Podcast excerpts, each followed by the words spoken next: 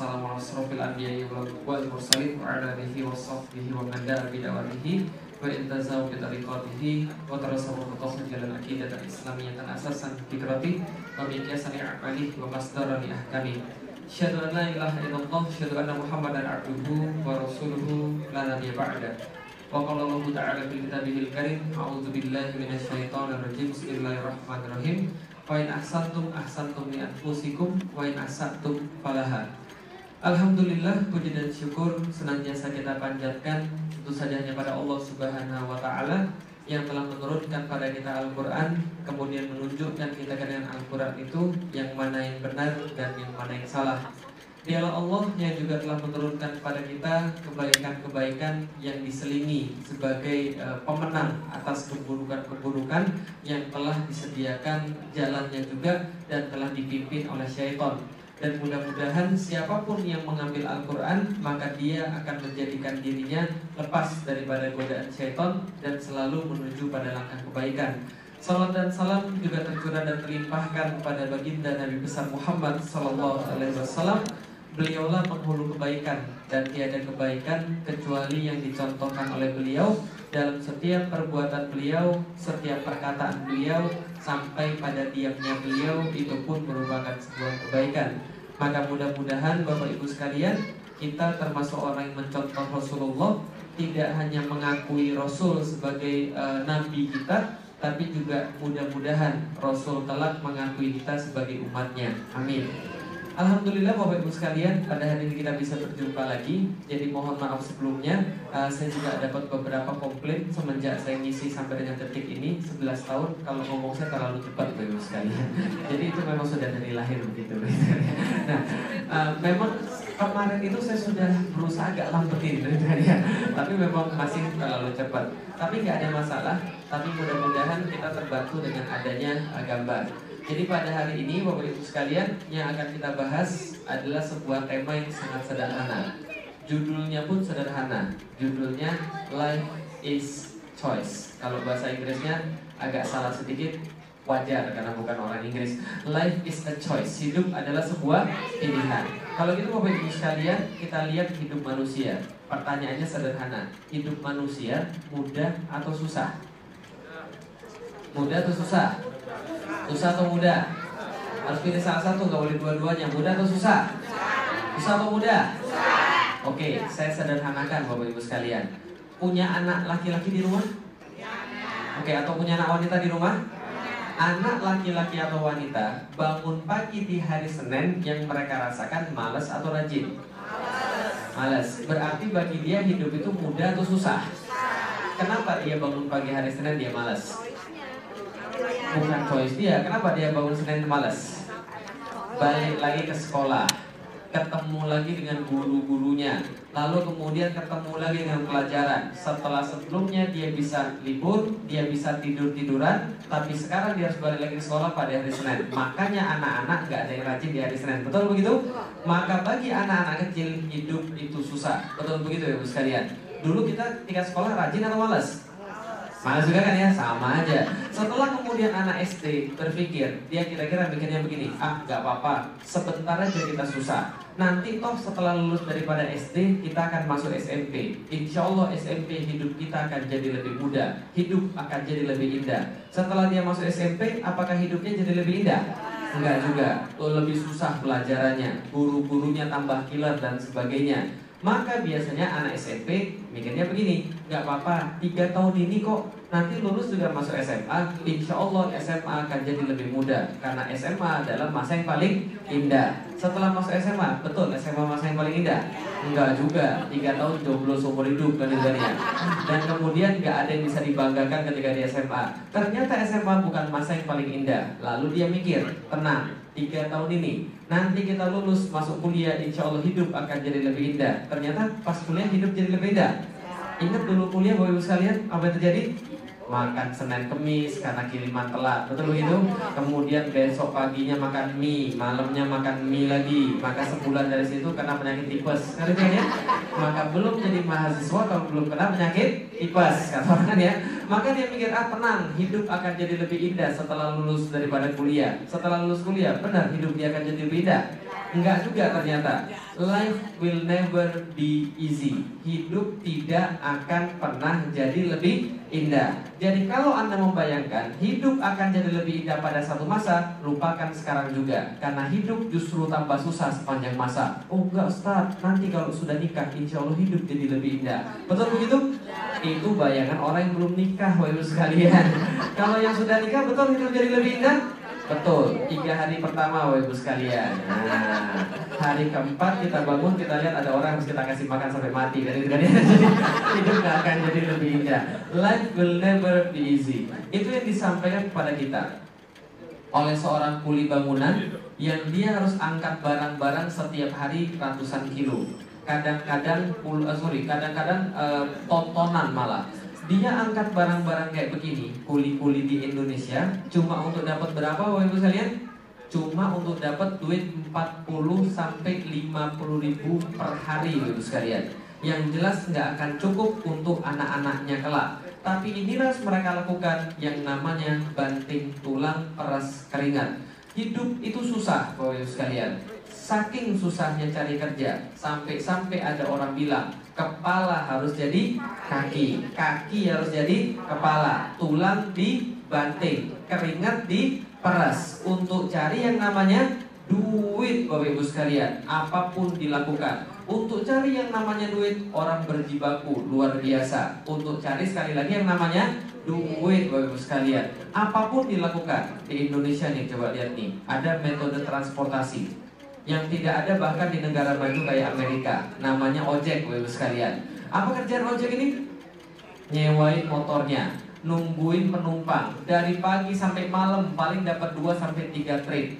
Bawa pulang ke rumah nggak lebih daripada 20 ribu rupiah. Tapi mereka tetap lakukan walaupun panas asap kemudian macet untuk cari yang namanya duit Bapak Ibu sekalian. Orang Indonesia super kreatif yang lain nggak ada di Indonesia ada. Apa ini Bapak Ibu sekalian tukang tambal ban Bapak sekalian. Apa ini kerjanya tukang tambal ban? Dari subuh sampai kemudian maghrib nungguin ban yang bocor. Kalau nggak bocor-bocor, tebar paku pagi-pagi supaya cepat bocor. Untuk sekali lagi cari yang namanya duit Bapak sekalian. Apa yang kemudian mereka lakukan? Nih, ada yang namanya ojek payung. Kerjanya apa ini ojek payung? Nungguin hujan kalau ada hujan, minjemin payungnya 3.000 sampai 5.000 rupiah.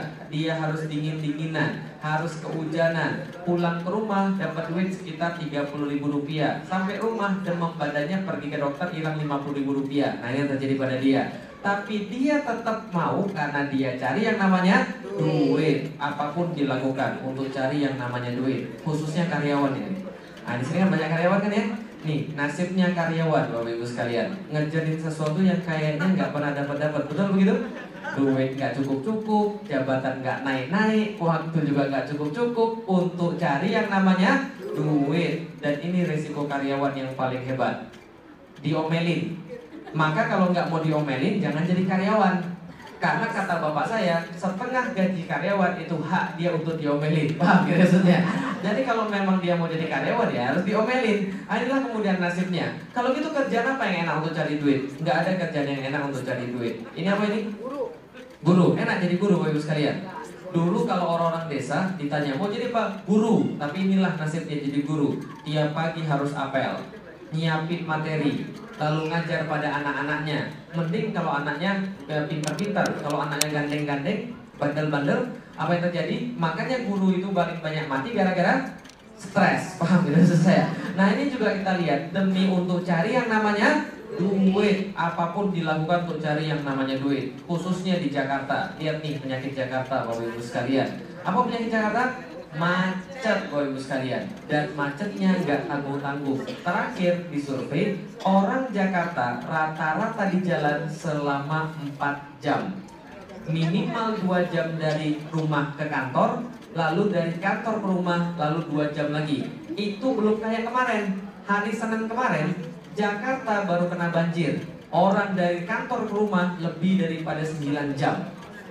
Coba bayangkan, itu setiap hari Ibu sekalian Jadi kalau orang sini ada antrian 5 6 mobil aja udah ngamuk kan kan ya. Di Jakarta itu biasa Bapak sekalian. Jadi tetap aja penduduk Jakarta tambah atau kurang?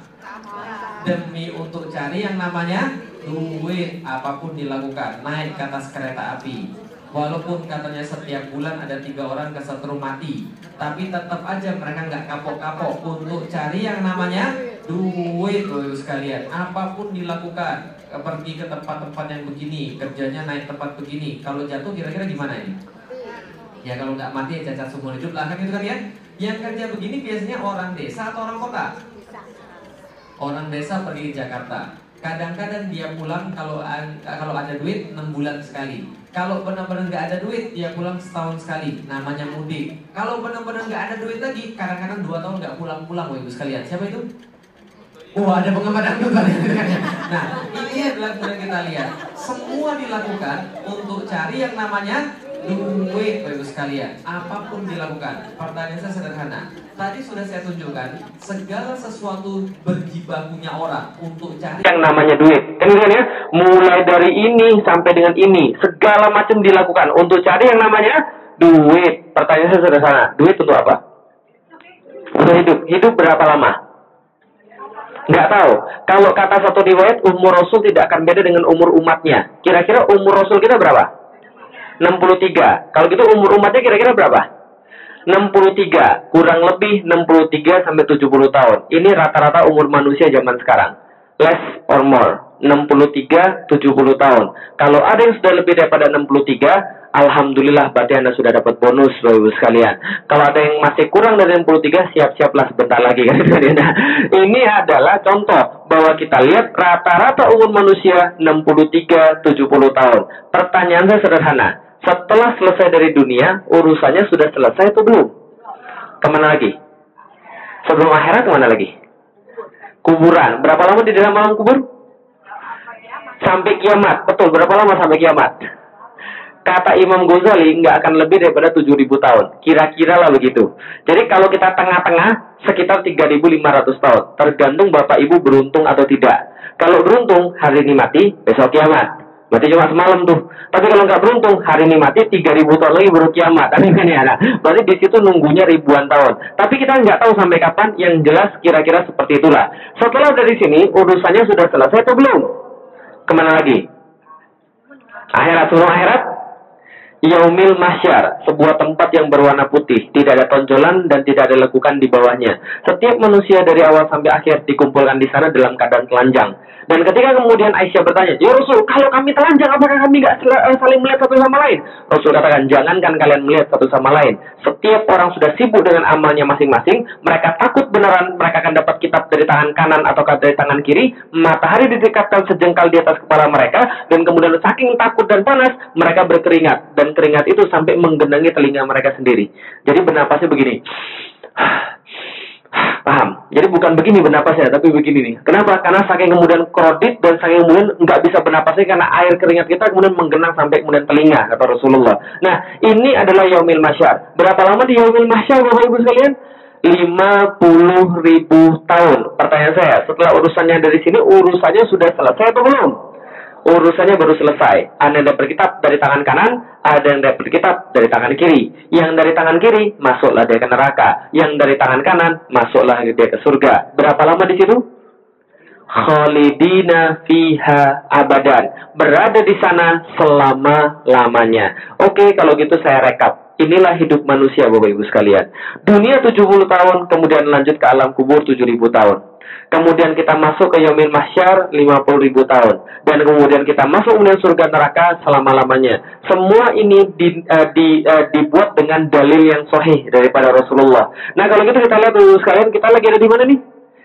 Dunia. Berapa tahun? 70 tahun. Pertanyaan saya, apa yang sudah dibuat oleh manusia untuk buat 70 tahun ini jadi lebih indah? Apa sudah dibuat? pergi pagi, pulang sore, kepala jadi kaki, kaki jadi kepala, banting tulang, peres keringat, bohongin orang, nipu demi untuk cari yang namanya duit. Yang dibagi berapa lama? 70 tahun senggol kiri, sikut kanan, tijak atas, sorry, tijak bawah, jilat atas untuk cari yang namanya duit. Yang dipakai berapa lama? 70 tahun segala macam. Ada mobil yang paling bagus, rumah 100 juta, 200 juta, 1 miliar, 20 miliar. Untuk dipakai berapa lama?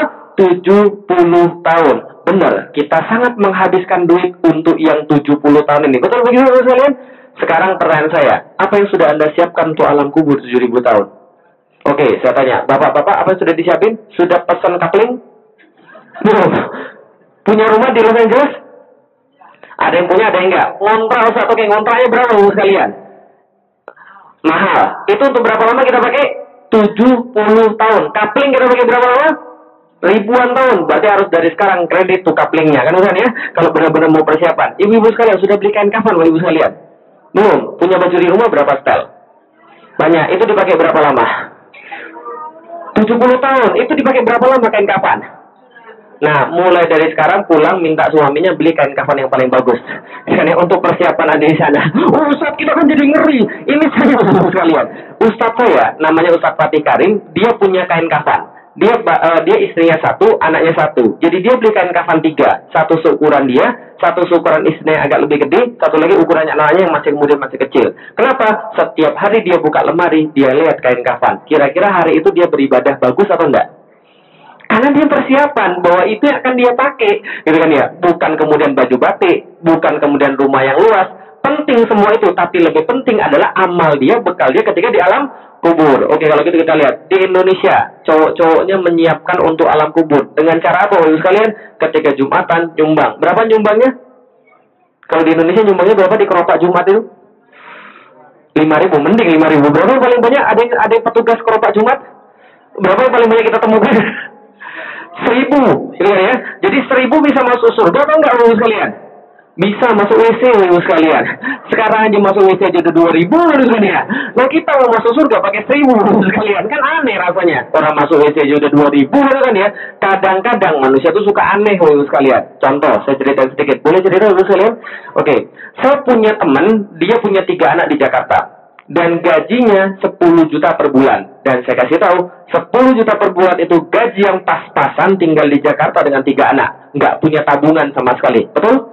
Ya kan ya? Nah, dia punya tiga anak dan anak keduanya diterima di Sekolah Bertaraf Internasional, RSBI, Rintisan Sekolah Bertaraf Internasional. Kira-kira masuknya berapa itu sekalian? SMP. Berapa? 15 juta. Oh, itu sekolah negeri favorit. Ini RSBI Bapak sekalian. Berapa kira-kira? Hah? Berapa satu? Oh, itu itu fakultas kedokteran. ini masih SMP ini berapa kira-kira? 50 juta masuk RSBI dan dia orang biasa nggak punya tabungan sama sekali. Akhirnya apa yang dia lakukan? Dia pinjam duit pada ibu bapaknya, jual kemudian mobilnya, dapatlah duit 85 juta rupiah. Untuk apa? Karena anak itu tidak hanya biayanya 50 juta, tapi seragamnya, laptopnya, les bahasa Inggrisnya, les pianonya, dan sebagainya, total jenderal dia harus keluarkan 85 juta. Akhirnya dia bayar lunas tuh 85 juta. Sampai seheran kemudian saya bilang, Pak, kok Bapak bela-belain banget sih Pak? Anaknya ini kemudian sekolah di RSBI, emangnya ada apa sih? Dia bilang begini, Lik, ini untuk masa depan. Di masa depan orang nggak pakai bahasa Jawa. Orang pakainya Inggris, tahu nggak? Ini Inggris ini, bahasa Inggris nih, masa-masa depan ini. Oh gitu, berarti Bapak ini berpandangan tentang masa depan. Bagus. Suatu hari ketika di kompleks perumahannya, ada ustadz perumahannya kemudian bilang begini, Pak, kita ini Pak, punya masalah besar ini Pak. Anak kita ini, jangankan mereka paham Islam, baca Quran aja masih belang bentong. Kalau udah belang bentong masih masih agak agak bagus gitu kan ya. Terus gimana kemudian mereka mau kuliah paham Islam? Kita harus benerin bacaan mereka. Dengan cara apa? Saya sudah siapin. Teman saya ada yang jago tajwid Al-Quran. Insya Allah dia ber, uh, dia mau mengajari kita dengan biaya yang tidak seberapa. Berapa biayanya? Setiap anak cukup 50 ribu aja per bulan. 50 ribu? Mahal banget! Pada 50 ribu sekalian. Sedangkan 85 juta dibayar. Oke, pertanyaan saya sederhana. Kita ngomong tentang masa depan ya. Boleh kita ngomong tentang masa depan? Kita ngomong tentang masa depan, anak itu mati, bapak ibu mati. Kira-kira kalau anak kita mati dan kita mati, sama-sama ngadep Allah, kita ngajak ngomong Allah pakai bahasa Inggris. Allah nanya kita pakai bahasa Inggris. Enggak, yang Allah tanya apa? Salat? Enggak. Ini ini kalau salat akan ditanya yang lain. Kalau nggak sholat, ambil jalan tol sudah masuk neraka. Kemudian dia, nah tapi kemudian kita nggak pernah tahu uh, kita ngomong tentang masa depan, tapi kita nggak benar-benar tahu tentang masa depan. Kenapa? Kayaknya kita nggak pernah nyiapin anak kita untuk masa depan. Kita rasa kita nyiapin untuk masa depan, padahal enggak, karena Allah nggak tanya slip gaji. Allah nggak tanya kemudian harta kekayaan. Allah nggak tanya lulusan. Allah nggak tanya bisa bahasa Inggris atau enggak. Yang ditanya apa tadi? Sholat atau enggak? Itu pertanyaan pertama. Kalau nggak sholat, ambil jalan tuh masuk neraka. Nah, tapi pertanyaan dulu sekalian. Kalau kita lihat seperti ini, 70, 7 ribu, 50 ribu yang selama-lamanya. Mau pilih yang mana? 70, 7 ribu, 50 ribu atau selama-lamanya? Oke, 70, 7 ribu, 50 atau selama-lamanya? Semuanya bagus. Makanya doanya Robbana atina di dunia hasana. Wa fil akhirati hasana. Wa kina azabannar. Kita pengen dua-duanya. Dunia dapat, akhirat dapat. Betul begitu? Bisa nggak bagus sekalian? Bisa. Karena itulah Islam turun kepada kita. Islam tujuannya agar kita baik di dunia dan kita juga baik di akhirat. Gimana caranya? Perhatikan gambar ini. Life is choice. Hidup adalah pilihan. Gambar apa ini? Perahu. Ada berapa orang di situ? Satu orang. Ada yang lain? Ada nggak orang lain selain dia? Nggak ada. Dia bawa sebuah perahu dan dia bawa sebuah apa namanya galah. Dengan galah itu dia mau ke kiri bisa atau enggak? Bisa. Dia mau ke kanan bisa atau enggak? Bisa. Karena itu urusan dia. Boleh nggak saya minta pertanggungjawaban orang lain atas perbuatan dia? Nggak boleh. Karena dia sendiri di situ. Betul? Hidup kita sama kayak dia. Sendiri. Kita punya kendali masing-masing. Kita mau ke kiri, boleh. Kita mau ke kanan, boleh. Karena itu urusan kita. Sehingga orang lain nggak akan pernah bertanggung jawab atas apa yang kita pilih. Betul begitu? Oke, kalau gitu kita lihat dulu sekalian. Hidup kita adalah pilihan kita. Karena itulah kita yang sekarang adalah hasil pilihan kita yang kemarin. Betul? Contoh, kalau ada orang sekarang pintar baca Quran, tandanya dulu dia pernah belajar baca Quran. Kalau sekarang ada orang pintar naik sepeda, berarti dulu dia pernah belajar naik sepeda. Kalau ada orang kemudian sekarang berotot, berarti dulunya dia seorang binaragawan atau kuli, betul begitu? Tapi kan nggak mungkin dari lahir badannya sudah berotot kan ya? Nah maka kita yang sekarang adalah hasil yang kemarin. Kalau sekarang nggak bisa baca Quran, berarti dulu nggak pernah belajar. Kalau sekarang nggak pernah bisa naik sepeda, berarti dulu nggak pernah naik sepeda. Hidup adalah pilihan. Maka kita yang sekarang adalah hasil pilihan di masa yang lalu. Bukan takdir daripada Allah, tapi hasil daripada pilihan di masa yang lalu. Oke, kalau gitu kita lihat. Tadi tadi kita lihat ya. Oke, dulu saya SMP kelas 3. Saya pernah dekat sama banyak orang di kelas. Tahu sendiri kan ya, kalau SMP kan orangnya kan hidupnya kan berkelompok-kelompok kan gitu kan ya, bergeng-geng kan ya. Ada geng preman, ada geng pelajar, ada geng uh, tukang main game, ada geng yang sukanya cowok tapi deketnya sama cewek terus yang saya sulit membedakan ini jenis kelaminnya apa sih sebenarnya kan itu kan ya nah ini kemudian ada geng-geng seperti itu saya ketua kelas karena saya ketua kelas saya dekat dengan semua orang termasuk geng preman. Sehingga preman nggak pernah ganggu saya. Kenapa preman nggak pernah ganggu saya? Karena preman dan saya simbiosis mutualisme bapak sekalian Kapan simbiosisnya? Ketika ujian. Dia datang ke rumah saya minta bocoran. Kan ya? Jadi suatu hari ketika ujian, dia pagi-pagi datang ke rumah saya jam 5, dia bawa soal bocoran. Nih, kerja ini soal bocoran. Kamu dapat dari mana nih soalnya? Aku ngeliat di, per, uh, di percetakan. Jadi dia dapat soal bocorannya. Setelah dia dapat soal bocoran, saya kerjain soal bocorannya, dan saya kasih dia. Saya juga dapatnya soal bocorannya. Nah, akhirnya dia bilang, Lik, kamu ini sungguh berhati mas kamu mau nolongin kami walaupun kami ini preman. Kamu ini benar-benar kemudian seorang yang baik, teman sejati di dunia. Tapi dia bilang begini, tapi saya nyalik kamu tuh punya kelemahan. Loh, apa kelemahan saya? Saya bilang, kamu tuh punya kelemahan. Apa kelemahan saya? Kelemahanmu itu kamu terlalu rapi. Kamu itu harusnya masih muda. Manfaatkan masa mudamu. Jangan kelihatan kayak orang tua.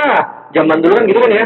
Anak SMA tuh baju dikeluarin Terus kemudian di sininya harus gede, potong di sini biar gak kelihatan preman, cut bray gitu kan ya. Nah, ini kemudian anak-anak zaman dulu. Saya bilang, "Lalu seperti apa lagi?" Dia bilang, "Kamu sayang, jangan kayak orang tua, terlalu rapi, harus gaul dikit, harus trendy dikit gitu loh." Lalu saya tanya, "Maksudnya trendy itu gimana?" Dia bilang, "Kalau laki-laki harus pasang anting-anting sebelah kiri." Nah, sebelah kiri itu anting-antingnya tandanya jantan, Ibu sekalian. Kalau sebelah kanan banci, kalau dua-duanya cewek. Siapa yang buat konsensus begitu ini? Tapi begitulah kalau menurut orang-orang zaman dulu, tahun 90-an, cewek pakai anting di sebelah kiri itulah jantan. Kalau sebelah kanan, banci. Kalau dua-duanya, cewek. Berarti cowok jantan harus pakai anting-anting sebelah kiri. Lalu seperti apa lagi? Dia bilang, cowok jantan harus ada ciri-cirinya. Nih, ciri-ciri cowok jantan, cowok gaul sekalian tahun 90-an ya tahun 90-an jadi kalau tahun 90-an cowok jantan itu anak gaul harus rambutnya belah tengah nah itu tahun 90-an jadi kalau sekarang ada yang belah tengah itu sisa-sisa tahun 90-an Oh enggak ada lagi kan ya Karena itu tahun 90-an Tapi kalau sekarang beda lagi ya sekalian Kalau sekarang anak gaul kira-kira kayak begini. Nah alay ya sekalian namanya. Rambutnya disesuaikan dengan Justin Bieber. Walaupun wajahnya kayak tempe Tapi nggak apa-apa. Yang penting rambutnya mirip dulu namanya panjang.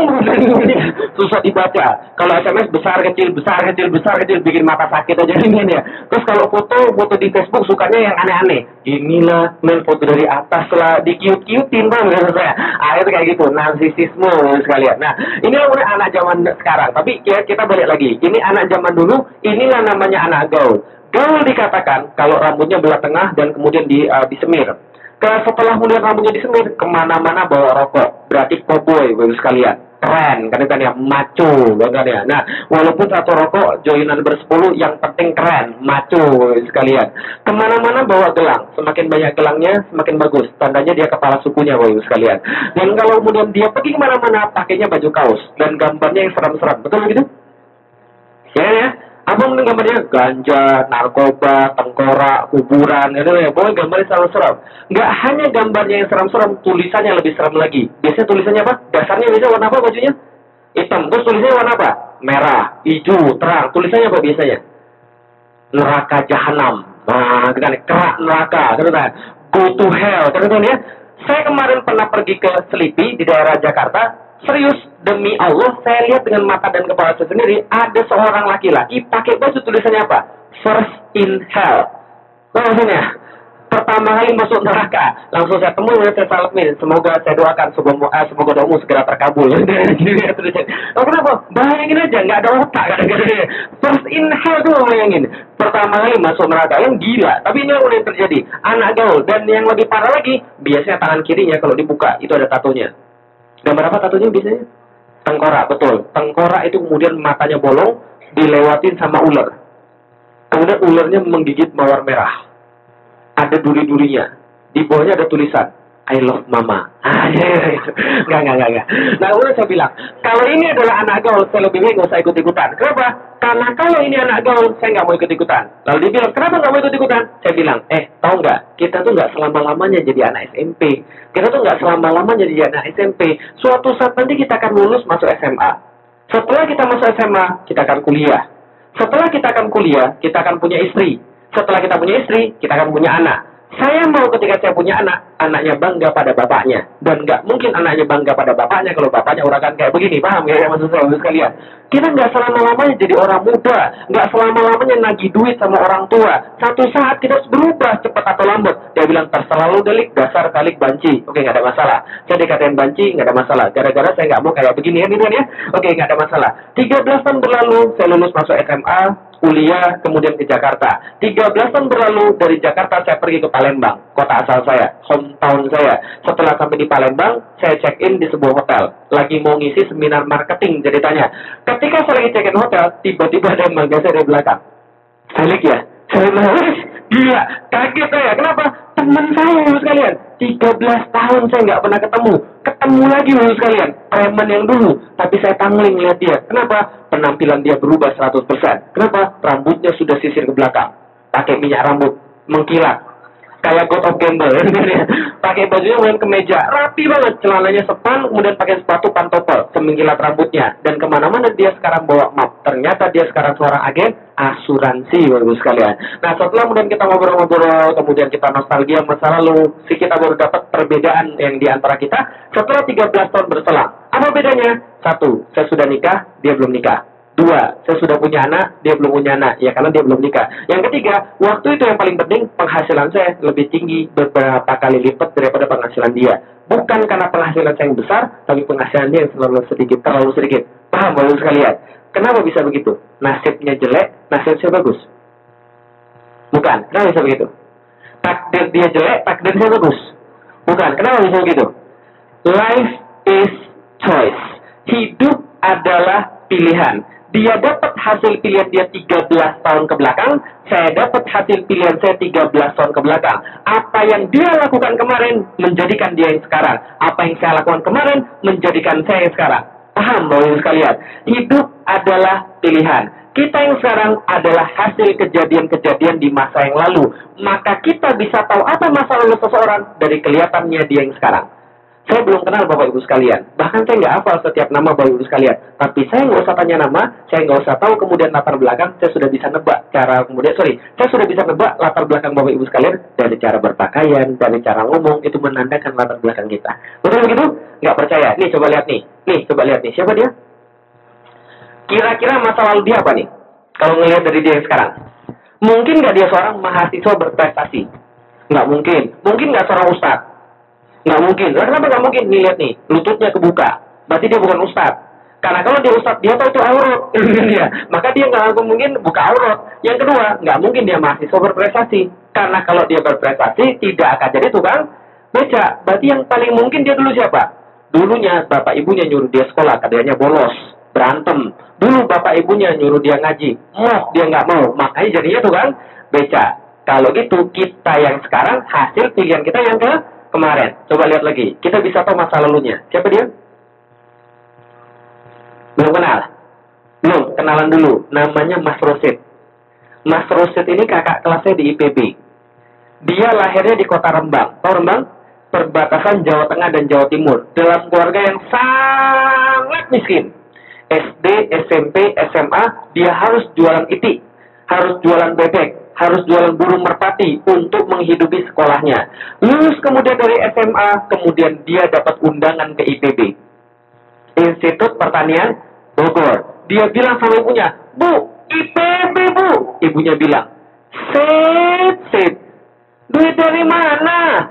Bapakmu itu buruh, ibumu tuh nggak punya duit, duit dari mana sekolahin kamu? Kamu nih kayak orang kaya aja, udah jangan main-main lah. Pokoknya saya harus kuliah bu, supaya ilmu saya bertambah luas, pikiran saya bertambah luas. Udah deh set, duit dari mana? Debat sama ibunya. Akhirnya setelah debat lama, ibunya ngalah. Jual emas, kemudian pinjam duit ke tetangga, sekolah kan Mas Roset ke IPB. Nih, wajahnya ketika baru masuk IPB, masih culun Bapak Ibu sekalian.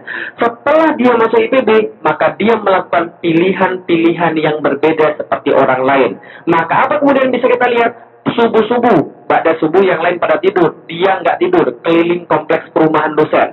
Kerjaannya jualan koran, Bapak sekalian, di kompleks perumahan dosen. Siang-siang, yang lain kuliah, dia pun kuliah, tapi dia bawa roti, jualan roti sambil kuliah. Sore-sore, yang lain pacaran, nongkrong, dia jualan es buah, Bapak sekalian. Sampai temennya bilang, set, set, 600 meter pergi dari Rembang, sorry, 600 kilometer dari Rembang, pergi ke Bogor, kerjaanmu jualan es buah. Emangnya di Rembang nggak ada es buah? Gak apa-apa, yang penting, ha? Halal. Pokoknya dia lakukan. Malam-malam yang lain pada tidur, dia nyantri, Bapak sekalian. Capek nggak kira-kira? Capek, tapi itulah pilihan dia. Apa yang terjadi kemudian?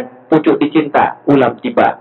Suatu hari Mas Rosid dapat duit 50 ribu rupiah. Tidak dipakai untuk foya-foya. Tidak dipakai untuk kemudian makan makanan minum-minum. Dia datangi ustadz-ustadznya. Kemudian dia bilang, Tat, buatin saya tulisan tentang ekonomi Islam dong.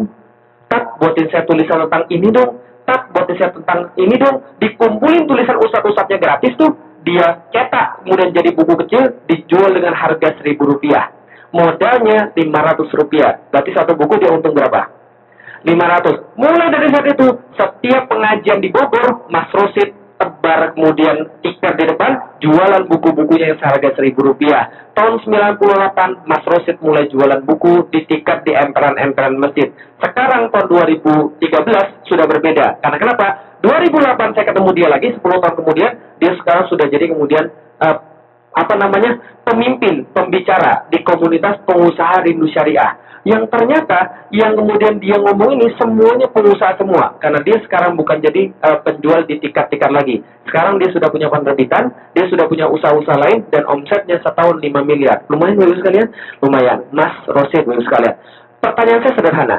Kalau dulu Mas Rosid kerjaannya nongkrong sama pacaran jadi nggak kayak begini? Nggak jadi bagus sekalian. Berarti hidup adalah pilihan. Yang sekarang adalah hasil yang kemarin Kalau yang sekarang adalah hasil yang kemarin, berarti yang besok adalah hasil daripada yang sekarang. Oke, kalau gitu kita lihat dulu sekalian. Tahu Mama Loren? Tahu? Coba Mama Loren? Peramal. Tahu kemarin Mama Loren sudah mati? Ya, berarti Indonesia kehilangan satu peramal, Bapak sekalian. Berarti Indonesia mencari satu peramal baru. Ada yang mau daftar? Ada yang mau daftar? Oke, betul sekalian. Meramal nggak boleh di dalam Islam, kecuali ramalan cuaca boleh. Tapi ramalan yang lain nggak boleh, sekalian. Nah, tapi ada ramalan yang boleh lagi. Apa ramalannya? Ramalan metode life is choice. Hidup adalah pilihan. Gimana metodenya? Begini, sekalian. Kita yang sekarang adalah hasil yang kemarin. Berarti kita besok adalah hasil daripada yang sekarang berarti kita bisa tahu masa depan orang dari apa yang dia lakukan sekarang. Tak percaya? Lihat nih, kalau sekarang orangnya begini, kira-kira besoknya jadi apa yang bisa lihat? Jadi apa nih kira-kira besoknya nih? Hah? Oke, saya tukang beca apa lagi? Tukang parkir, preman, gitu kan ya. Mungkin nggak jadi pengusaha, mungkin pengusaha narkoba sekalian, sekalian. Nah, kalau kita, kita lihat, kalau ini yang dipilihnya ketika muda dan garis bawah ya, garis bawah ya, kalau dia tidak berubah, ya garis bawah ya, kalau dia tidak berubah, maka masa depan dia tidak ada yang lain. Kecuali apa? Sebelah kiri LPG Pinang, sebelah kanan Nusa Kambangan. Kalau dia tidak berubah. Tapi kalau dia berubah, apa pun bisa terjadi. Ingat almarhum Uji kemarin? Dulunya apa? Nah, dulunya orang jahat, narkoba, kemudian ya segala macam lah. Tapi dia berubah, maka dia bisa jadi apa saja. Tapi kalau dia tidak berubah, jalan ke depan dia sudah jelas. Contoh, minggu depan saya mau ke Seattle. Berarti hari ini saya beli tiket ke Seattle atau beli tiket ke New York? Kalau hari ini saya beli tiket ke New York, minggu depan nyampe nggak saya ke Seattle? Nggak usah tunggu minggu depan. Hari ini saya sudah bisa tahu besok ada di mana. Kan ya? Sama kayak kita kan gitu ya? kita sudah bisa tahu ada di mana ke depan dari melihat kita yang sekarang. Oke, kalau gitu kita lihat. Kalau sekarangnya begini, kira-kira ke depan jadi apa nih melihat? Jadi apa nih? Oke, belum tahu ya, saya kasih tahu. Yang tengah hamil di luar nikah.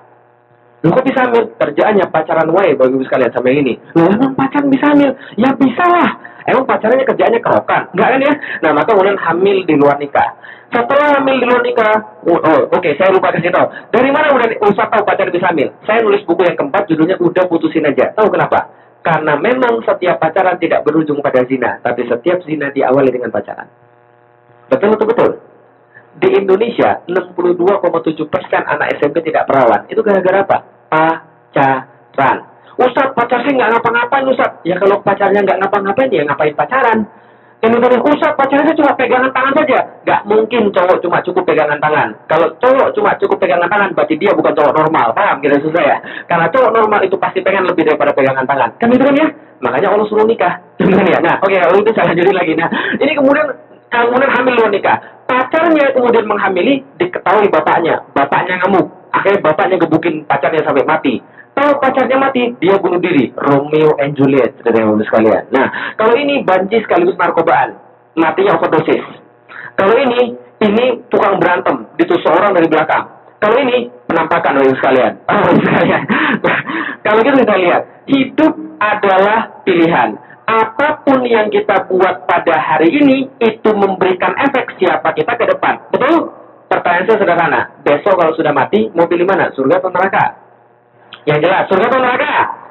Yakin? Surga atau neraka ditentukan nanti atau sekarang? Beli tiketnya nanti atau sekarang? Kalau ada orang mau masuk surga pasti nggak mau sholat? Nggak nyambung sekalian. Maka kita lihat, kalau benar-benar kita pengen masuk surga, sudahkah kita melakukan amalan-amalan orang masuk surga? Contoh sederhananya aja. Oke, gini ya, contoh sederhana. Coba baca Quran. Coba lihat tuh, orang-orang surga tuh makanannya apa minumannya apa, aktivitasnya apa. Itulah yang sekarang dilakukan. Nah, makanya kemudian saya minta dibawa air jahe. Karena orang-orang di surga tuh makanannya air jahe. oh, bisa lihat. Nah, ya itu salah satu memang begitu, air jahe makanannya. Jadi, ini kemudian bisa kita lihat. Hidup adalah pilihan. Apa yang terjadi besok adalah perbuatan kita yang sekarang. Bisa dipahami oleh sekalian?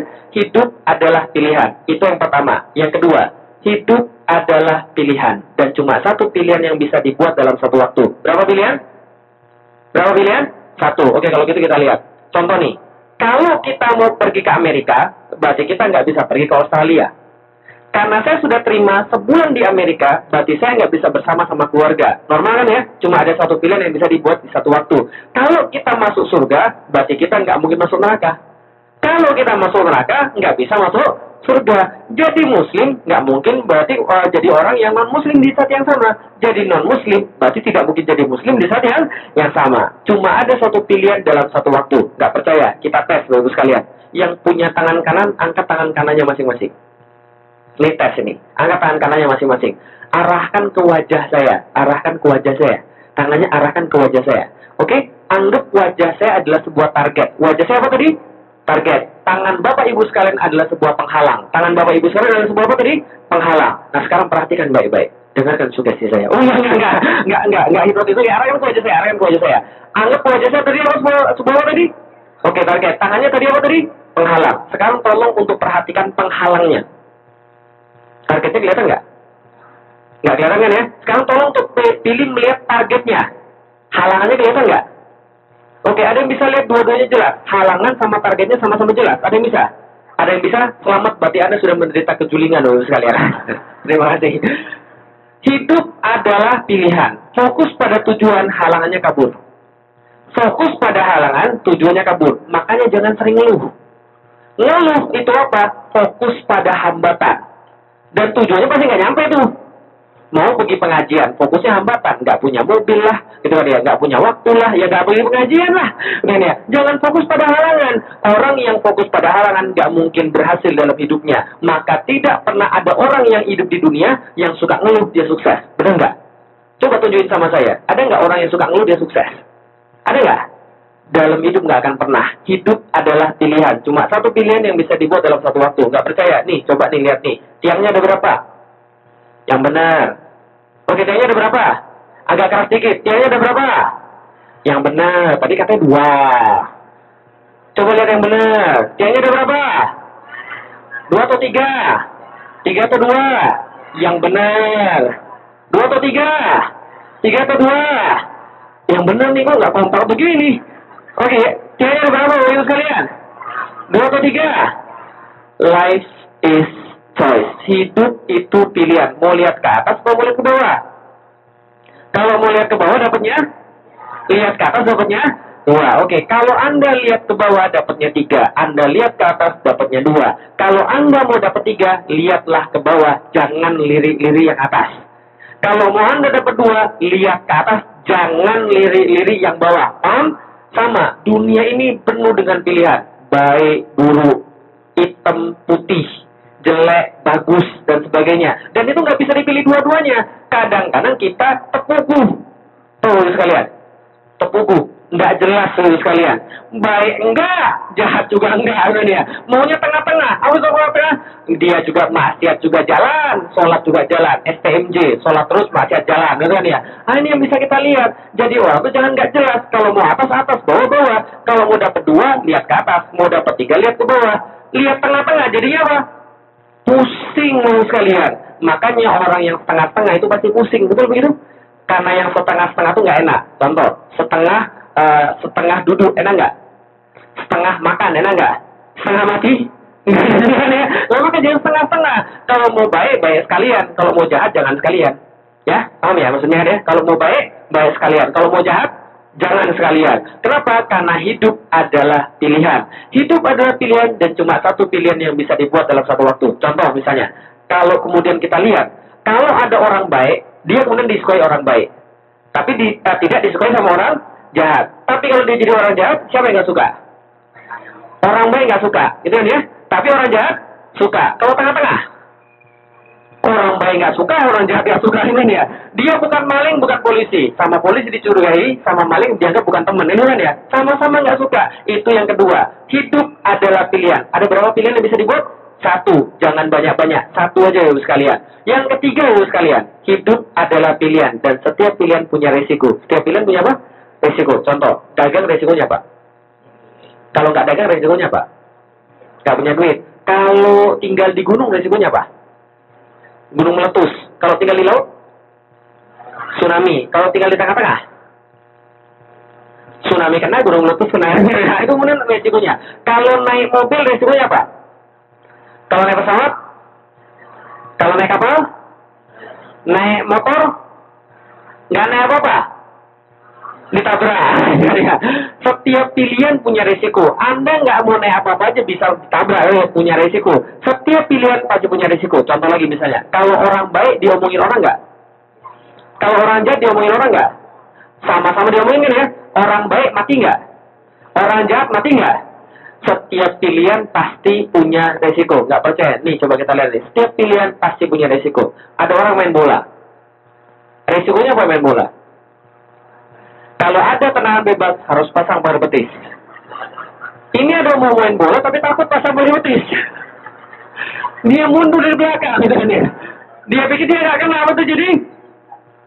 Nah, paham ya sekalian? Paham nggak maksudnya? Bukan lucunya yang kita ambil, tapi yang kita pahami adalah hidup pasti punya resiko. Kita jadi muslim, kita jadi nggak muslim, punya resiko nggak? Punya. Kita jadi muslim zaman sekarang di Amerika, resikonya kita disuragi teroris, kan bukan ya? Itu resiko. Kenapa? Karena orang belum paham dengan Islam, kan kan ya? Tapi nggak jadi muslim, resiko nggak? Resiko juga. Dulu saya pernah mikir begini, ketika 18 tahun saya masuk Islam. Bayangin nggak lulus sekalian? 18 tahun nggak pernah sholat subuh. Ya kan ya? Ketika masuk Islam suruh sholat subuh, apa yang saya rasain? Ngantuk. 18 tahun nggak pernah bangun pagi loh saya. Suruh bangun pagi, ngantuk saya masuk Islam bulan Syaban. Dua minggu kemudian sudah bulan puasa. Saya berpuasa, lapar. Ngantuk, lapar, yang enak-enak dilarang. Lama-lama saya mikir, ternyata susah juga masuk Islam ya. Aturannya banyak. Tapi lama-lama saya mikir lagi, benar juga. Masuk Islam, resikonya banyak aturan. Tapi ah, kalau nggak masuk Islam, apa nggak punya risiko? Apa resikonya? Kalau mati nanti masuk neraka kan ya? Setiap pilihan pasti punya risiko. Apa pun pilihan itu. Orang sholat ada nggak yang miskin? Ada orang yang nggak sholat ada nggak yang miskin? Mending sholat miskin atau nggak sholat miskin? Mending sholat kaya, apa namanya sekalian? Setiap pilihan pasti punya risiko. Orang baik mati, orang jahat mati. Mending mati baik atau mati jahat? Orang taat susah nggak? Maksiat susah nggak? Oh, bisa jadi maksiat lebih susah ibu sekalian. Nih saya kasih tahu. Masuk masjid tadi bayar nggak di sini? Nggak bayar kan ya? Masuk diskotik bayar nggak? Uh, udah pernah ya? Kadang-kadang maksiat itu lebih susah daripada berbuat taat, betul gitu? Nah, tapi kan sama-sama susah ya, ya. Orang beli TV susah nggak? Ngumpulin duit susah. Maling TV susah nggak? Susah pakai perencanaan. Ketemu hasil eh, digebukin kan itu ya? Tetap susah. Mau baik susah, mau jahat susah. Mau maksiat susah, mau taat susah. Mending taat susah atau maksiat susah? Lah sama-sama susahnya mendingan taat sekalian kan itu ya. Hidup adalah pilihan. Tidak ada yang tidak punya resiko. Masuk surga susah, masuk neraka susah. Mending masuk surga atau masuk neraka? Hidup adalah pilihan. Nyumbang masjid diomongin orang nggak? Nyumbang masjid diomongin orang nggak? Diomongin. Dasar nyumbang seribu dolar aja ngomongnya sampai ke mana-mana harus diumumin sepuluh jumatan ria banget sih diomongin ya kalau nggak nyumbang diomongin nggak mobil ganti tiap tahun, rumah besar. Pelit banget sih nah, ini terjadi. Kita menyumbang, kita nggak menyumbang, tetap aja diomongin. Mending nyumbang atau nggak nyumbang? Nyumbang aja sekalian. Hidup adalah pilihan dan setiap pilihan pasti punya resiko. Makanya pastiin kita resiko yang bagus, bukan resiko yang jelek. Kan ya? Rasul kita aja, jangankan manusia diomongin orang, jangankan manusia dituduh-tuduh. Rasul kita aja yang lisannya ini mulia, yang nggak keluar kecuali yang baik, yang tangannya nggak berbuat kecuali yang baik. Kira-kira susah nggak ketika Rasul dakwah? Susah, lemparin batu, lemparin kotoran ternak, kan itu ya, dilemparin kemudian segala macem, enakan di sini. Nah, apa dakwah dibawa ke Universal Studio, kan ya, pulang dikasih makan, kan ya. Tapi Rasul dakwah nggak begitu. Rasul dakwah kan dulu susah kan ya. Jangankan kita, Rasul aja dakwah aja susah, loh sekalian pertanyaan saya sederhana Bapak sekalian. Kalau Rasul dakwanya susah, zaman sekarang kira-kira mungkin nggak kita mendapatkan siksa orang daripada dakwah kita? Mungkin banget. Jangankan dakwah, orang main catur aja bisa mati. Kemarin dengar orang main catur mati? Kemarin di Indonesia. Kenapa? Main caturnya di tengah jalan tol, makanya mati ya sekalian. Hidup adalah pilihan. Dan setiap pilihan pasti punya resiko. Itu yang ketiga. Yang terakhir, Bapak sekalian. Cuma ada dua pilihan dalam hidup manusia. Mau jadi yang mana? Mau jadi yang biasa atau mau jadi yang istimewa? Biasa atau istimewa? Biasa atau istimewa? Oke, kalau beli martabak, beli martabak biasa atau beli martabak istimewa? Kalau biasa biasanya orang kirim biasanya. beli martabak beli yang biasa atau istimewa? Mau jadi manusia biasa atau istimewa? Yakin? Teliti sebelum memilih. Saya kasih tahu dulu bedanya. Ini bedanya biasa sama istimewa. Nih beda pertama. Orang biasa, kalau dompetnya dibuka, isinya koin. Kalau orang istimewa, dompetnya dibuka, isinya banyak. Ah, pertanyaan sederhana. Ibu-ibu punya anak perempuan, angkat tangan? Punya anak perempuan, angkat tangan yang punya anak perempuan? Nanti nikah nikahkan anak perempuan, mau sama cowok yang biasa, cowok istimewa? Bagus. itu bukan matre, itu realistis sekalian. Karena kan cinta nggak mungkin makan batu, kan ini dia. Kalau kita lihat, ini beda yang pertama, biasa sama istimewa. Beda yang kedua, lu sekalian. Orang yang biasa dapatnya dikit, orang yang istimewa dapatnya banyak. Betul begitu? Coba kita lihat uh, contohnya. Sama-sama kerja di satu perusahaan. Satunya digaji 500 ribu per bulan. Satunya digaji 50 juta per bulan. Ada nggak? Ada kan ya? Itulah bedanya biasa sama istimewa. Contoh lagi, sama-sama satu alma mater. Satunya IPK-nya 4,0. Satunya 1, alhamdulillah. Ada? Ada. Itulah beda antara biasa dan isti istimewa. Kalau gitu kita lihat, mau pilih yang mana? Biasa atau istimewa? Yakin? Ada ujian. Perhatiin baik-baik. Ini ujian penting. Karena kalau salah, mempengaruhi kehidupan Bapak Ibu sekalian. Contoh, sorry, apa? Perhatiin baik-baik ujiannya pilihan berganda. Soal nomor satu, jawab yang baik. Lebih banyak orang biasa atau lebih banyak orang istimewa? Yakin? Benar? Betul. Less is better. Lebih dikit itu lebih baik. Kenapa? Lihat nih main bola. Berapa orang main bola? 11 kali 2 berapa? 22 orang main bola. Main bola. Main bola. Mereka berlari ke sana kemari dengan riang gembira penuh dengan jenaka. Mereka menendang bola ke sana kemari walaupun mereka tidak menang, walaupun mereka kalah, walaupun mereka tidak mainnya bagus, tapi setelah main mereka dibayar atau bayar? Dibayar atau bayar? Oke, ratusan ribu orang nonton, nonton, nonton. Dan di Indonesia bukan hanya nonton, keinjek-injek orang, kelempar botol, tangkap satpam, tangkap polisi kan ya, dan bayar apa dibayar?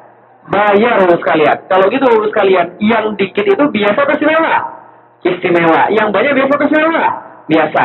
Pertanyaan kedua, soal nomor dua, masih pilihan berganda. Lebih banyak orang cakep atau lebih banyak orang jelek? Itu nggak boleh begitu, Ibu. Allah tuh menciptakan manusia itu itu sama dan sempurna betul makanya kata orang cakep itu relatif tapi jelek itu absolut paham ya Oh, lebih banyak orang jauh orang jelek. Lebih banyak orang jelek. Kita nggak tahu, tapi yang jelas yang cakep itu pasti lebih istimewa dan istimewa itu lebih dikit daripada yang biasa sekalian. Oh ibu sekalian, terutama ibu-ibu sekalian, pilih mana? Biasa atau istimewa? Biasa atau istimewa? Yakin? Awas ya buka lagi ya. Hidup adalah pilihan. Kenalkan ini adalah putri saya 4 tahun. Eh sorry, sekarang 5 tahun. Ini putri saya nih, 5 tahun. Insya Allah dari 6 bulan sudah milih jadi istimewa. Insya Allah. Nah, ini yang beda antara istimewa dan biasa. Pertanyaan saya sekarang, mau jadi biasa atau istimewa? Oke, okay, hidup adalah pilihan dan Allah Taala di dalam Al-Quran wal qadara oleh jahannama kasino minal jini wal insi lahum qulubun la yaquluna biha wa lahum ayunun la bisuruna biha wa lahum azanun la yasma'una biha ulaika kal an'am bal adol. Coba perhatiin baik-baik. Allah kata di dalam Al-Quran telah masuk ke dalam neraka jahanam banyak daripada golongan jin dan manusia. Berarti yang masuk neraka itu orang biasa atau orang istimewa? Biasa atau istimewa? Mau jadi yang mana? Biasa atau istimewa? Takbir. Takbir itu naik ke atas. Takbir. Nah gitu baru benar ya ya. Kayak teroris itu enggak itu kan ajaran kita ya kan ya. Nah kalau kita lihat inilah yang bisa kita lihat.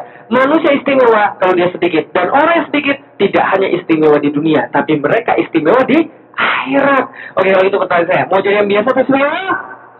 Sebelum kita mulai mau benar-benar jadi istimewa, kita harus lihat satu film ini yang menandakan bahwa benar-benar ada keistimewaan. Coba lihat ibu sekalian, ada satu film ibu sekalian yang menggambarkan tentang pilihan istimewa. Coba lihat nih, perhatiin baik-baik. Ini ada cowok-cowok yang kemudian jalan-jalan. Kalau cowok-cowok jalan-jalan yang diomongin apa? Cewek, nih lihat nih apa terjadi.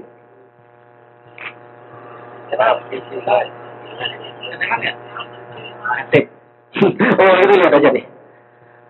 Lihat nih. Ngomongin cewek seolah-olah nggak akan mati selama-lamanya. Apa yang terjadi pada mereka?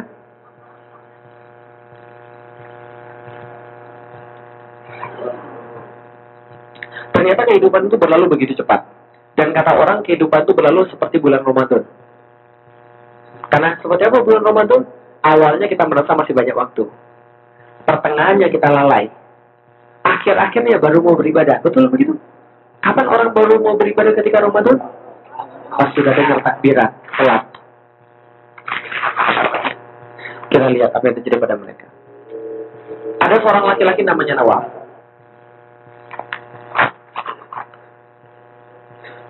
Coba kita lihat nih. Ini yang selamat nih. Tadi keterangan tadi ada tiga orang meninggal, satu orang selamat. Nah ini yang selamat yang duduk di tengah. Dia udah nyari temennya, udah nggak ada lagi. Tetap kemudian temennya nggak nggak lihat. Namanya Nawaf. Dia baru mati. Ini adalah kehidupan dia. Dan pilihan-pilihan yang dia buat dalam hidup dia. Apa yang dia boleh lakukan? Ngobrol aja terus. Kerjanya pacaran, wae. Ibunya mengingatkan, Nawaf, sholat. Masih nggak mau sholat. Diingatkan sama ibunya, Nawaf, sholat. Bohong dia. Dan apa yang mulai terjadi? Pemayaman falaratin khaira yaro, pemayaman falaratin syarro yaro. Apa pun yang dia perbuat Allah tujuan pada dia. Dan ketika dia tahu dia sholat kemudian, eh, sorry, dia mati belum sholat, dia menyesal dan dia minta pada Allah, Ya Allah, kembalikan saya sedikit saja untuk saya sholat. Allah kata, tidak, waktu sudah selesai. Kalau dia tahu setelah itu dia bakal mati, sholat nggak dia? Sholat. Tapi sayangnya dia nggak tahu. Yang kedua, namanya badar. Kalau dia tahu, dia bakal merangkak untuk mau nggak dia merangkak? Ini yang kedua. Namanya badar. Dia juga baru mati. Ini adalah kehidupan dia. Dan pilihan-pilihan yang dia buat dalam hidup dia. Apa kerjanya? Foya-foya. Agak berkumandang. Dia ngajak temennya.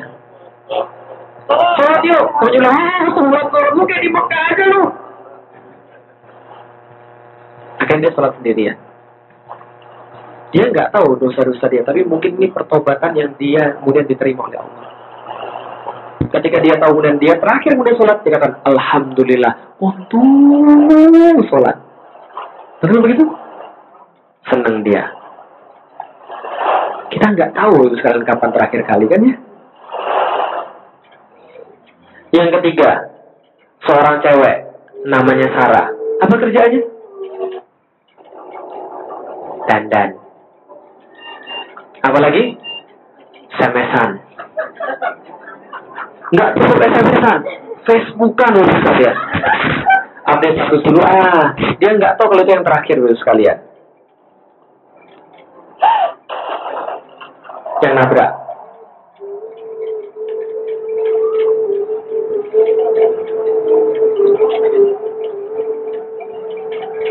Namanya Sarah. Dia baru mati. Ini adalah kehidupan dia dan pilihan-pilihan yang dia buat dalam hidup dia. Apa kerjanya? Gawe wae. Namanya kerjaan itu sekalian. Satu lembar selesai, ada lembar lain yang menanti. Tapi waktu sholat itu akan segera berakhir. Itu kan ya? Azan berkumandang. Temennya ngingetin. Sholat yuk. Dia bilang, terus, terus. Ribet banget sih. Ribet banget sih lu. Akhirnya dia nggak sholat. Kalau dia tahu sholat itu dia bakal mati, sholat nggak dia? Sholat. Tapi sayangnya dia nggak. Kalaupun dia harus merangkak kemudian untuk sholat, sholat nggak dia? Sayangnya dia nggak tahu. Saya kasih tahu sekalian, statistik menunjukkan 7.000 warga Amerika, termasuk ibu sekalian yang tinggal di Amerika sekarang, 7.000 warga Amerika bangun untuk melihat matahari untuk yang terakhir kalinya. Setiap hari 7.000 orang mati. Di Amerika doang. Artinya apa? Kita tuh ibarat orang lagi ngantri ke satu pintu namanya pintu kematian. Ya kita nggak tahu kita di depan, tengah atau di belakang. Kan ya? Kalau kita tahu urutannya enak, kan ya? Makanya kemudian kalau kita lihat hidup tuh senantiasa klise. Contoh, kemarin baru selesai pengajian. Innalillahi wa inna ilaihi rajiun. Satu jam yang lalu. Siapa yang nyangka sebelumnya? Nggak kan ya? Setiap kali kita berziarah ke tempat orang yang meninggal, apa yang pasti kita dengar di tempat orang kerumunan-kerumunan itu? Apa yang pasti kita dengar? Innalillahi. Selain innalillahi, apa lagi perkataan yang pasti kita dengar? Apa yang kita dengar? Ada sesuatu yang pasti kita dengar. Tiap kali kita ziarah. Apa yang pasti kita dengar? Oke, lupa ya. Nih, saya ingetin. Kata-kata begini yang pasti kita dengar. Saya nggak nyangka loh. Gitu kan ya? Kemarin. Tuh, baru kajian bareng. Gitu kan ya? Ya Allah, kemarin baru sepedaan bareng. Nggak ada yang bilang, saya sudah tahu dari kemarin dia bakal mati. Nggak kan ya? Maka pasti orang itu kemudian nggak sadar, Bapak sekalian. Akhirnya adalah apa? Nggak ada yang tahu manusia kapan mati. Betul tidak sekalian? Nah, yang bisa kita lihat adalah mati itu datang secara tiba-tiba. Betul begitu, Bapak sekalian? Kemarin di Jakarta, Bapak sekalian, kita lihat. Ini kejadian yang kemudian kalau kita kemudian mikir, mati bisa kita rencanakan. Jangan salah, Bapak sekalian. Mati akan datang pada saat kita paling tidak siap. Ingat sekali lagi ya, mati akan datang pada saat kita paling tidak siap. Sialnya kita, kita tuh dibodohi sama sinetron. Sehingga kita menganggap mati itu datang pada waktu kita paling siap kita terbaring di ranjang, ada orang kemudian jenguk kita, anak kita di situ, istri kita di situ, suami kita di situ, kemudian kita kemudian mengembuskan napas terakhir. La ilaha illallah, saat hilang. Itu mah cuma di sinetron doang, loh sekalian. Kejadian nyata, tidak ada cerita begitu. Mati akan datang pada waktu paling kita tidak siap. Gak percaya? Nih coba lihat dulu sekalian. Mati akan datang pada waktu kita paling tidak siap. Lihat baik-baik. Lihat baik-baik. Lihat baik-baik. Mati nggak dulu sekalian? Mati nggak? Mati dulu sekalian. Bukan hanya mati, terbelah dari sini sampai ke sini. Serius. Pertanyaan saya sederhana. Kalau dia tahu hari itu dia bakal mati, ngebut nggak dia? Pergi keluar rumah nggak dia? Kalau dia tahu dia bakal, tapi dia tahu nggak? Yang ditabrak tahu nggak dia bakal tabrakan pada hari itu? Kalau dia tahu dia bakal keluar rumah nggak? Enggak, karena dia nggak tahu kapan dia mati. Dengar ya? Oke, main di Jakarta, lagi angin kayak sekarang nih. Hujan angin luar biasa tahun kemarin di Jakarta. Ada satu kemudian satu hari, satu malam baru sekalian, jam 10 malam Twitter saya dua kali berbunyi menyatakan ada dua orang yang mati. Kenapa? Karena matinya tabrakan motor sama trailer. Bukan bukan dua motor satu trailer tidak, satu trailer nabrak satu motor di tempat yang lain satu trailer nabrak satu motor lagi. Lah kenapa bisa terjadi? Wajar. Malam itu sekalian hujannya itu luar biasa sampai sampai kita nggak bisa melihat di depan ada apa. Kenapa? Karena kemudian itu sangat mudah anginnya kencang luar biasa. Yang dalam pikiran saya, kenapa orang naik motor itu mau pulang malam-malam jam 10 dengan kondisi seperti itu? Ada yang pernah naik motor nggak kalau malam-malam? Dengan hujan itu? Itu kan tangan kita sampai nggak bisa buka kan ya? Kalau dinginan ya, lengket kan ya tangan kita di tangan itu kan ya? Awareness kan jadi kurang. Nah, saya cuma ketabrak. Ternyata setelah dilihat, ketika dilihat kejadian perkara itu, ada yang lagi bawa rantang nasi, ada yang lagi bawa kemudian boneka yang saya pikirin, oh mungkin dia mau ditunggu sama keluarganya, makan bareng sama istrinya. Mungkin dia sangat mengharapkan ketemu sama istrinya. Atau mungkin pagi tadi dia berantem sama istrinya dan belum sempat minta maaf. Yang dia pengen banget kemudian untuk minta maaf sama istri, tapi dia nggak sempat lagi. Betul begitu saya lihat? Nah, pikir apa? Kita nggak tahu kapan kita mati. Maka saya meninggalkan istri saya nggak pernah dalam keadaan marah. Kenapa? Karena saya pikir jangan-jangan itu pertemuan yang terakhir. Dan kalau itu pertemuan terakhir, nggak akan mau kemudian saya rela tinggalin dia dalam keadaan saya marah. Gengsi itu hilang. Gengsi itu hilang. Termasuk ibu-ibu juga sama. Gengsi itu hilang. Kalau kita tahu kita bakal mati. Betul begitu? Untuk apa gengsi kalau udah mati ibu sekalian? Saya mikir begini, kalau kemudian saya pulang, kemudian saya menemukan dia sudah meninggal, saya bakal menyesal karena saya belum sempat memaafkan dia. Dan dia mati dalam keadaan suaminya tidak itu. Tapi kalau kemudian saya nggak balik lagi, maka saya mati dalam keadaan nggak maafin dia. Kira-kira hidupnya nyesel nggak? Makanya kalau saya ninggalin dia, saya nggak pernah dalam keadaan marah. Saya selalu mendengarkan begini, Umi, jangan-jangan ini pertemuan kita yang terakhir. Umi jangan bilang gitu dong, nangis. Ceritanya malu cewek, ceritanya. Nah, tapi lama-lama dia udah pintar. Saya bilang, Umi, jangan-jangan ini pertemuan kita yang terakhir, jangan marah dong. Dia bilang, ah, Abi juga minggu lalu bilang begitu. kan saya pun pergi setiap minggu ceritanya. Abi kemarin bilang begitu. Saya bilang, betul. Saya kemarin bilang begitu dan saya pulang kemudian dengan selamat. Tapi coba camkan baik-baik, akan datang satu masa di mana saya pergi dari rumah dan saya ngomong begini dan saya benar-benar nggak balik lagi. Betul nggak? Akan datang satu masa di mana saya pergi ngomong begitu dan saya benar-benar nggak akan balik lagi. Maka saya nggak pernah ninggalin istri saya dalam keadaan marah. Karena kenapa? Kita nggak tahu kapan kita mati. Betul itu sekalian. Oke, saya uh, saya contohkan sekali lagi. Nih, ibu sekalian, coba lihat ibu sekalian. Ketika di Jakarta tadi, ada kemudian ketika hujan-hujan tadi, motor itu kemudian berhenti. Karena kenapa? Dia tahu kemudian apa pohon-pohon bakal runtuh. Gitu kan ya? Dia cari tempat yang tidak ada pohonnya. Dia cari kemudian stasiun, uh, stasiun, stasiun, terminal bis yang terbuat dari stainless steel supaya nggak runtuh. Ternyata setelah dia kemudian berteduh di situ, yang runtuh apa? Pohon, bukan. Apa? Terminal, bukan. Ini yang runtuh sekalian. Bukan tiang listrik. Tuh tuh. Billboard. Coba siapa yang nyangka billboard untungan tempala dia? Oke. Takdir memang takdir. Ajal tapi nah, maka apa nggak sesuai. Kita tuh nggak tahu kapan kita mati. Itu maksudnya. Artinya apa? Kalau kita kemudian tahu begitu kita bakal berakhir, harusnya kita kemudian lebih hati-hati dengan apa yang kita bicarakan, hati-hati dengan apa yang kita lakukan, hati-hati bahkan dengan apa yang kita tulis. Pertanyaan saya, siapa teman yang sudah meninggal? Angkat tangan. Yang punya Facebook. Yang punya Facebook. Banyak nggak teman-teman yang punya Facebook yang meninggal? Coba lihat apa yang dia tulis terakhir. Ngeri nggak? Saya punya banyak teman yang sudah meninggal. Dan ketika kita lihat Facebook yang terakhir yang dia tulis, ngeri banget kita kadang-kadang. Ada yang ketika lagi maki, ada yang lagi mengeluh kepada Allah, tiba-tiba dia diambil. Itu itu yang kita terakhir tulis terakhir. Maka kalau saya nulis terakhir di Facebook atau di Twitter, saya boleh nulis, jangan-jangan ini Twitter yang terakhir saya tulis. Karena dulu manusia mati tinggalkan nama, sekarang manusia mati tinggalkan data-data itu semua di Facebook itu. Hati-hati tuh, foto-foto yang sekarang udah buka-buka, hapus tuh semuanya. Jangan sampai kalau kita mati itu belum dihapus tuh. Paham udah saya? Itu, ah, capek deh. Paham udah saya? Berantem di Facebook, aduh Gitu kan ya. Kenapa? Itu bakal ketinggalan terus itu sampai kita mati tuh. Paham sekalian? Hati-hati ya sekalian. Ngeri kalau kita mau ngeliat teman kita sudah Facebooknya kemudian masih ada sekarang yang dia sudah meninggal. Maka saya dari sekarang saya sudah kasih tahu. Dek, kalau Abi duluan pergi, nih passwordnya semua nih, tutup semua Facebooknya nih. Nah, kenapa? Karena saya kasih tahu. Karena saya tahu kalian bakal mati. Oh, Ustaz jangan aku nakutin kita dong. Loh, kita ini manusia. Semua bakal mati kan ya. Bukan berarti ibu-ibu kemudian uh, lebih tua, lantas kemudian ibu-ibu kemudian lebih uh, lebih duluan daripada saya. Bisa jadi saya duluan dulu sekalian. Tapi kalau ibu-ibu duluan silakan aja. ini Ustaz enggak ya, saudara. Oh iya, itu saya contoh lagi. Nih, saya pernah ngisi ibu-ibu usia 60-an tahun ke atas. Satu hari ketika saya ngisi, sudah waktunya belum? Oh sebentar lagi. Ketika saya ngisi ibu-ibu 60-an tahun ke atas, sekalian, ini yang saya tampilin gambarnya. Jadi saya bilang, ibu, saya mau pindah ke Jakarta Barat. Jadi saya harus tinggalkan tempat ini. Ini pengajian terakhir kita dan ini gambar yang mau saya kasih tahu. Ini gambar ini saya kasih tanggal 28 Juli 2011. Saya ingat banget. Nah, kenapa? Karena ada kejadian penting setelah itu. Nah, 28, 28 Juli kemudian uh, saya kasih gambar ini. 26 Juli anak saya lahir yang ketiga. Senang banget. Dua minggu lagi uh, buku saya terbit yang kedua. Muhammad Al-Fatih. Senang banget. Hidup saya pencerahannya, sorry. Harapan hidup saya panjang loh sekalian istri baik, anak sudah tiga, senang banget. Dan apa yang kemudian terjadi? Tanggal 28 Juli dan sampai tanggal 31 Juli, ingat ya, 31 Juli 2011 itu kan bulan Syaban yang terakhir. Ingat ya, 1 Agustus bulan 1 Ramadan. Kita senang banget karena mau Ramadan lagi. Saya bilang sama ibu-ibu, Bu, coba lihat gambar ini. Yang mana yang lilinya mati duluan?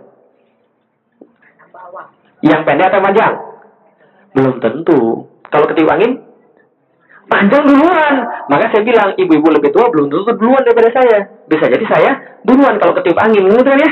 Nah, artinya mulai saya bilang, belum tentu ibu-ibu sekalian. Yang panjang bisa jadi duluan daripada yang pendek. Yang pengen saya sampaikan pada ibu-ibu sekalian, saya bilang pada waktu itu, jangan-jangan ini Ramadan yang terakhir. Jangan-jangan ini Ramadan yang terakhir. Kalau ini Ramadan yang terakhir, mau seperti apa kita berbuat? Mau ninggalin anak-anak yang nggak pakai kerudung? Mau kemudian ninggalin suami dalam keadaan tidak ridho? Mau kemudian meninggalkan dunia dalam keadaan nggak bisa baca Quran. Cobalah belajar lagi, jangan nyerah. Walaupun sulit, tetaplah belajar. Tetaplah baca Quran, karena itu dapat pahala. Kalau ini yang terakhir, mau seperti apa Ramadan kita perbuat? Oh, Ustaz jangan nakut-nakutin kita dong. Ustaz nyumpain kita mati dong. Bukan, saya bilang bukan nyumpain mati. Tapi coba baik-baik, coba saya bilang sama ibu-ibu tadi. Ibu-ibu kemudian pas Ramadan kemarin, pas ketika Idul Fitri, sholat sama kemudian ibu-ibu yang lain, setelah selesai sholat, ngapain ibu-ibu biasanya? Peluk-pelukan, cium-ciuman, cipika-cipiki, betul begitu? Ada nggak yang tahun kemarin yang dicipika-cipiki sekarang sudah nggak ada lagi? Ada nggak? Banyak. Gitu kan ya? Saya tahu ibu-ibu yang sudah tua-tua ini, biasanya dia punya catatan. Apa namanya? Buku. Tulisan nama-nama temannya. Ini namanya, nomor teleponnya, ini alamatnya. Dicoret satu persatu. Gitu kan ya? Makanya betul, orang yang sudah tua tuh lebih sadar ibadah. Karena dia tahu dia sebentar lagi tuh 10 dicoret 1, 9, 8, 7, 6 Gila dia pilih itu aja tuh Terus begitu Nah, mulai saya bilang, nah itu yang terjadi. Nah, sekarang jangan-jangan ini Ramadan yang terakhir. Cobalah baik-baik mikir. Jangan-jangan ini Ramadan yang terakhir. Ternyata saya pendiri ibu sekalian. Tanggal 31, Allah yang ngajarin saya. Pelajaran terbaik dalam hidup saya. Apa pelajaran terbaiknya? Tanggal 31, terakhir Syakban, besok mau satu Ramadan, senangnya luar biasa. Ternyata yang terjadi, pas mau kemudian pergi ngisi kajian sholat subuh, mobil saya kebalik di jalan kebalik dua kali. Saya nggak tahu ceritanya, tapi yang jelas ada truk tiba-tiba di depan saya. Saya nggak ngantuk, serius. karena saya sadar 100%, ketika ada saya, saya langsung banding sebelah kanan, kemudian eh, nabrak kemudian sebelah kanan, terus guling-guling sebelah kiri, kemudian sampai begini ceritanya. Mobilnya hancur lebur, Bapak sekalian. Nggak bisa lagi kemudian masuk asuransi. Kenapa? Karena chassisnya rusak. Jadi ibu bisa bayangkan, seperti apa kemudian rusaknya kemudian mobilnya itu. Nah, kalau udah jeda, jeda, jeda, ketika kecelakaan tuh, hidup saya berjalan lambat tuh, Bapak sekalian. Mati saya hari ini, saya bilang. Anak saya yatim nih, saya bilang gitu. Istri saya muda jadi janda nih, saya bilang ini. Mati saya hari ini. Yang saya buat kemudian saya merasa agak ringan apa? Ya, setidaknya ngisi sholat subuh. Nah, ya, jeda, jeda, jeda, jeda, jeda, jeda. Oke, selesai ternyata saya belum mati. Sebelah kanan saya aspal, mobilnya kebalik begini. Sebelah kanan saya aspal, kemudian kemudian saya kan nggak bisa buka pintu kan karena bawa aspal kan ya. Saya lihat tangan saya nggak ada yang patah, nggak ada yang patah dulu, kaki saya nggak ada yang patah sama sekali, kepala saya nggak ada yang pecah, saya udah periksa semuanya. Nah, Alhamdulillah pakai seatbelt. Nah kemudian udah uh, keluar, manjat, loncat ke bawah. Orang bawah bilang, Pak, siapa yang mati? Pak, siapa yang mati? Tenang, tenang, saya sendiri aja. tenang, saya sendiri aja. Saya nggak ada luka apa-apa, saya bilang. Saya telepon, minta towing, dan kemudian minta kemudian datang kemudian PCR. Kemudian setelah itu kemudian bapak bilang, Pak, siapa yang terus? Tenang, tenang, saya sendirian. Waktu itu mobil saya bawa banyak buku. Buku saya yang pertama, judulnya Beyond the Inspiration. Sekaligus buku-buku, sorry, duit-duit hasil jualan. Bertebaran di jalan tol. PCR datang kemudian lihat, Bapak, Bapak penulis ya Pak ya? Iya, Alhamdulillah. Pak, boleh saya minta nggak bukunya satu? Ambil. Ambil gitu, Pak, Pak, saya sama teman saya berdua, Pak, boleh nggak saya minta dua? Ambil. Polisi, Pak, saya minta lima, Pak, ambil, ambil, ambil. Jadi, kenapa? Mendadak semuanya jadi nggak berharga. Duit jadi nggak ada harganya. Jabatan nggak ada harganya. Istri dan anak rumah mendadak nggak ada harganya. Paham nggak sekalian? Jadi saya benar-benar ngerti ketika Allah mengatakan ayat, ketika suatu hari di mana anak lari dari ibunya, ibu lari daripada anaknya, bapak nggak mikirin anaknya, ibu nggak nyari siapa anaknya, karena dia sudah sibuk dengan urusan masing-masing. Paham nggak sekalian? Saya mulai sadar, kenapa? Ternyata ada yang lebih penting daripada duit, jabatan, harta, dan segala-galanya. Mendadak sadar ya sekalian. Maka itu Ramadan yang terbaik dalam hidup saya. Karena kenapa? Karena kita merasa benar kita bakal mati. Yang saya bilang apa? Allah seolah-olah ngasih begini. Lik, bisa aja kamu tuh diambil kemarin tuh semuanya itu. Nggak ada gunanya kamu nulis berapa buku. Nggak ada gunanya kamu sudah pernah pergi ke mana-mana aja. Nggak ada gunanya kemarin duit yang sudah kamu kumpulkan kalau kamu mati kemarin. Berarti kamu sekarang dikasih injury time. Nah, maksudnya? Berarti Allah pengen ngasih tahu saya bahwa saya kasih tahu nih hidupmu itu semua milik saya dan bisa saya ambil kapan saja. Jadi jangan merasa kemudian kamu yang punya hidup itu sehingga kamu bisa gunakan sekendakmu saja. Gitu ya? Nah, mulai saya sadar, oke, dari situ mulai saya lebih percaya dengan Allah, lebih kemudian paham lagi tentang tawakal itu seperti apa. Kalau misalnya, kalau Bapak Ibu ingat mati, itu cukup benar bagi kehidupan kita. Karena ibu akan jadi husuk, bapak akan jadi husuk. Kalau ingat mati. Husuk itu adalah apa? Ingat mati. Itulah husuk. Makanya dalam surat Al-Baqarah, Allah katakan, siapa yang orang husuk? Alladzina yazunnuna annahum mulaku rabbihim wa annahum ilaihi roji'un. Siapa yang yakin akan ketemu Allah dan kembali pada Allah, itulah orang-orang yang husuk. Dan orang yang husuk nggak ada masalah dalam kehidupan. Insya Allah. Oke, paham ya? Oke, baik, terima kasih. Assalamualaikum warahmatullahi wabarakatuh. Ada pertanyaan silahkan. Ada? Ada pertanyaan? Boleh silakan. Ya, sambil dulu ya. Ya. Minum dulu ah. Ya silakan nanya nggak apa-apa. Saya dengerin sampai minum. Hmm. Pakai pakai mic ibu. Pakai mic ibu, biar suaranya agak kelihatan lebih seksi ibu. silakan. Assalamualaikum warahmatullahi wabarakatuh. Waalaikumsalam warahmatullahi. Pak saya mau menanyakan mengenai Boleh. kematian, Pak. Kalau orang Islam eh, ada bedanya nggak, Pak? Misalnya mau ke, eh, orang yang taat beragama sama yang enggak, ada ciri-cirinya nggak eh, dalam menghadapi kematian? Ya. Assalamualaikum warahmatullahi wabarakatuh. Sakratul mautnya maksudnya. Tanda-tanda. Ya, tanda-tanda orangnya. Ah, sebentar, jangan lihat lama-lama deh, malu. nah, tanda-tanda orang yang kemudian meninggal, dia baik ataupun dia jahat, itu nggak ada tanda-tandanya. Bisa jadi sakratul mautnya orang kafir, itu enak. Bisa jadi sakratul mautnya orang muslim kelihatan nggak enak. Keren ya? Mohon maaf, mohon maaf, kayak almarhum uji kemarin. Meninggalnya dengan cara apa? Tabrakan. Di antara orang-orang lain tabrakan nggak bagus tapi insya Allah kita doakan beliau amal solehnya banyak. Gitu kan ya? Berarti kemudian insya Allah kemudian meninggalnya bagus. Kan ya? Nah, tapi kemudian ada orang yang kemudian ketika kemudian dia meninggal, dia bukan muslim, tapi meninggalnya kayaknya enak. Tapi kita kan nggak tahu apa yang dia rasain. Gitu kan ya? Yang jelas, yang ada bedanya bukan pas matinya. Yang ada bedanya pas hidupnya. Apa bedanya? Kata Rasul, orang sorry, kata Rasul, ad-dunya sijnul mu'minin wa jannatul kafirin Dunia itu adalah penjara bagi orang-orang yang mukmin dan surga bagi orang-orang yang kafir. Maksudnya apa? Orang mukmin walaupun hidupnya enak di dunia, hartanya bergelimpang banyak, tapi dia nggak betah hidup di dunia. Kenapa? Karena dia tahu itu bukan kampung halaman dia. Nanti besok akan kita bahas, ada materinya. Nah, sedangkan orang kafir dia merasa dunia itu adalah dunianya. Sorry, dunia itu adalah surganya, maka dia takut mati. Jadi beda orang mukmin dan orang kafir adalah orang mukmin nggak takut mati. Betul. Kenapa kita nggak takut mati tahu? Betul. Karena mati bagi kita bukan akhir, tapi jembatan untuk ketemu dengan Allah yang kita senang dan Rasul yang kita rindukan. Bisa meluk Rasul, bisa bersama Rasul kan yang kita rindukan kan ya. Nah, maka itu yang kita inginkan. Maka mati bukan masalah bagi kita. Mau masuk surga, mau kalian? Oke, yang jelas. Mau masuk surga? Benar? Siap mati? Nah, kalau mau masuk surga harus siap mati. Karena langkah pertama masuk surga harus mati dulu. Nggak mungkin masuk surga masih ya? Paham Bapak sekalian? Nah, maka orang muslim tidak takut mati. Yang orang muslim takut tuh matinya caranya gimana? Takutnya itu. Gimana? Maka mati husnul khotimah atau su'ul khotimah. Besok kita bahas. Besok-besok maksudnya. Nanti insya Allah akan kemudian kita bahas. Uh, saya punya rangkaian materi yang memang sudah saya siapkan. Nanti kita akan bahas tentang bagaimana menyiapkan hidup untuk setelah hidup. Jadi kira-kira gitu. Itu jawabannya. Ada yang lain? Silakan. Bapak. Boleh, silakan. Please. Boleh, boleh, silakan. Ya, makasih pada Pak Hamdi yang dari tadi sudah ngantiin. Silakan. Assalamualaikum warahmatullahi Waalaikumsalam Uh, warahmatullahi First question was by English. Please. So please, uh, a lot of people, a lot, or a lot of ladies, Yes. they believe the uh, the hijab for Yes. ladies Okay. is just tradition. Okay. So I wanna uh, you advise us and tell us about hijab Yes. duty Yes. for ladies or just tradition. Yes. Thank you. Okay, thank you very much. The further explanation will be uh, will will be uh, delivered uh, in next uh, two days or three days. Uh, we have uh, special material about hijab.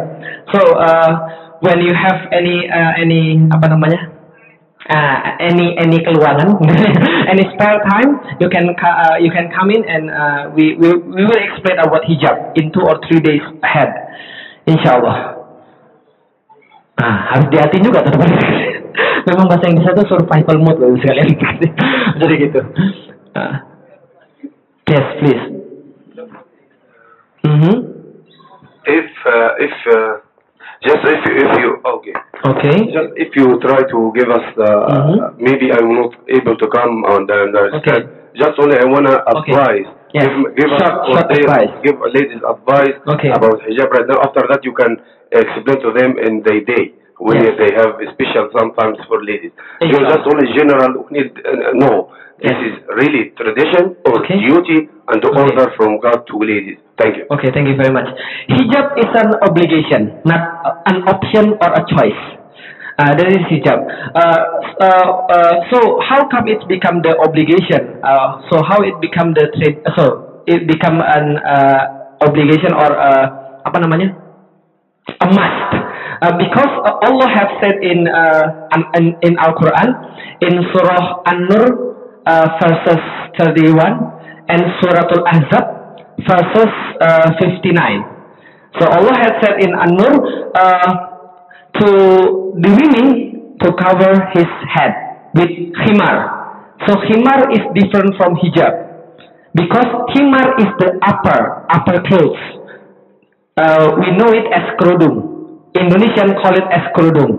So in Al-Azab uh, verses uh, 59, Allah have said, uh, Ya ayuhan nabiyyu kulli aswajika wa banatika wa nisa'il mu'minin yutnina alaihinna min jalabibihinna to cover all of her body with jilbab. So jilbab means the uh, the lower clothes. Uh, the lower clothes that uh, apa diulurkan itu bahasa Inggrisnya apa tuh? Apa diulurkan bahasa Inggrisnya? Ah, yutnina itu bahasa Arabnya kan ya.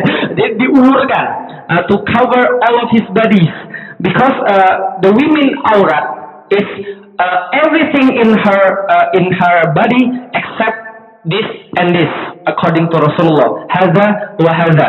So uh, in further explanation, we will be uh, we, we will uh, convey it in two or three days, inshallah. Ah, that is uh, the, the the short uh, explanation about hijab. Thank you so much. So please, any question? Wih, gaya udah ngomong bahasa Inggris aja. Silakan, silakan. Iya, apa ya, belajar ya. Assalamualaikum warahmatullahi wabarakatuh. Ya, silakan.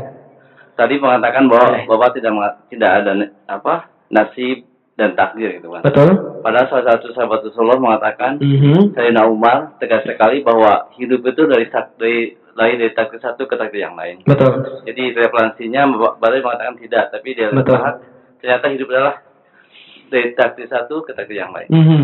Jadi maaf tolong Islam. Gak apa-apa Pak, thank you very much. It's about destiny, tentang takdir. Jadi gini Bapak Ibu sekalian, besok, tepat hari besok, kita akan bahas tentang takdir. Karena salah satu daripada rukun iman adalah percaya pada takdir. Maka besok kita akan bahas takdir. Karena itu Ibu sekalian, yang hadir pada hari ini, tolong besok hadir.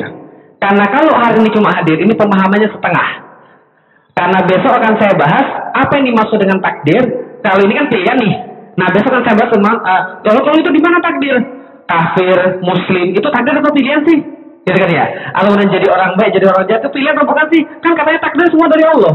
Nah nanti kita akan besok akan bahas tentang takdir insya Allah. Nah sebagai bocorannya itu adalah bagian daripada rukun iman. Berarti pasti ada pak. Nah tapi pembahasannya besok insya Allah. Oke clear ya? Tahu clear? Clear itu pakai untuk gambar itu sekalian. itu clear. Oke silakan ada yang lain. Satu. Ada terakhir last one. Silakan ibu. Waalaikumsalam. Boleh. Ibu, Oh silakan ibu. Siapa tahu nanti ada pencari bakat. Ada dua pertanyaan, mohon maaf. ya. Sebelumnya, eh, kemarin Bapak menyinggung soal apa kalau eh, nilai Tuhan Hmm. mas- Mhm. lain-lain setiap Mhm. orang. Kalau saya begini Pak, em, kan tadi Bapak juga menyinggung sinetron. Di sini juga ada Pak, disebutnya kan soap opera. Oh. Jadi kalau misalnya Soap opera. Oh, soap opera, opera sabun. Hmm. Jadi non- nonton itu kan dia asik tuh Pak. Ya. Jadi lupa mau sholat atau apa. Ya. Kalau misalnya kan Bapak menilai katanya nilai Tuhan lima puluh ribu, sepuluh ribu apa yang begitu yang kemarin Ya. Bapak jelaskan. Kalau bagaimana kalau kita bilang tuh em, dia cinta Allah, tapi yaitu tertinggal. Tapi dia nggak taat. Nah itu bisa dikatakan sebagai jangan apa menilai Allahnya yang berupa lima puluh ribu atau apa, tapi Ya. manusianya itu iman takwanya itu apakah bisa disamakan eh, diartikan begitu jadi Mhm. iman takwanya yang senilai itu jadi bukan Allahnya pak jadi Ya. bukan Tuhannya Betul. nah itu bagaimana apakah itu bisa diartikan demikian Ya. nah oh, itu satu pak ya, pertanyaan Ya. saya yang kedua em, banyak sekali pak pemakaian bracelet Mhm. atau pendant. They call rechargeable rechargeable life Yes. itu ya kalau ada orang yang bisa apa mempercayai bahwa itu akan memper apa membuat seseorang itu menjadi apa menggunakan pendant atau apa Mhm. itu hukumnya apakah diperbolehkan Atau Eh, tidak? apa ada sirik di situ atau memang eh, boleh kita itu menggunakan pendant itu Oke, Pak. thank you very much. Oke, yang pertama ibu sekalian, yang kita bahas kemarin tentang yang nilai Tuhan, masih ingat kan ya? Ada nilai Tuhannya eh, tiga juta sebulan, ada nilai Tuhannya tiga puluh ribu per jam, kan ya? Nah, apa kalau kita contoh nonton opera sabun, nonton sinetron, sampai kemudian lalai dalam sholat kita, apakah benar itu adalah kita nilai Tuhan harga segitu atau cuma iman saja harga segitu? Saya kasih tahu sekalian, iman sama keyakinan pada Allah itu sama. Ini kan ya, karena iman apa coba? Betul. Iman kata Rasulullah adalah percaya bahwa Tuhan itu adalah Allah. Dua, percaya lagi pada kitab-kitabnya, rasul-rasulnya. Apalagi? Yaumil kiamah, malaikat. Dan yang keenam, takdir yang kita bahas besok. Nah, berarti ini adalah kemudian sama. Keimanan kita harganya segitu sama seperti harganya Allah segitu. Itulah kemudian terjadi pada kita. Tapi kita tetap mencintai Allah. Saya kasih tahu sekalian, cinta itu ada dua. Cinta yang kita rasa cinta atau cinta yang benar-benar cinta. Apa bedanya cinta dengan kemudian yang benar-benar cinta atau cinta yang kemudian kita rasa cinta? Kalau cinta itu mewajibkan adanya pengorbanan. Makanya orang cinta itu buta. Gunung yang paling tinggi didaki. Lautan yang paling luas diseberangi. Semua demi cinta. Gitu kan ya? Mohon maaf, tai serasa coklat.